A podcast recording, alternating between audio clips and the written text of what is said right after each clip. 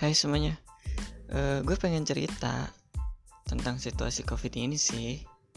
Kalian tau lah situasinya kayak gimana. Tapi menurut gue, gara-gara situasi ini, gara-gara masalah ini, kayak kita kita ini sering mandi deh.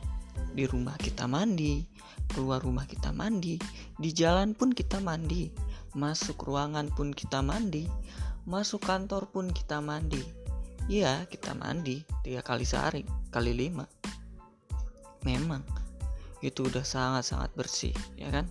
Kita mandi, mandi disinfektan, ya kan? Hah? Kita udah bersih banget, bersih sampai virus-virus nggak ada. Iya, virus-virus nggak ada. Sakit bukan karena corona, sakit gara-gara apa? Penyakit kulit, Hah? Radang tenggorokan, radang paru-paru, lu makan makan tuh alkoholnya. Ya. Tapi inilah. Semoga kalian yang sering-sering mandi kurangin mandi. Dan yang jarang mandi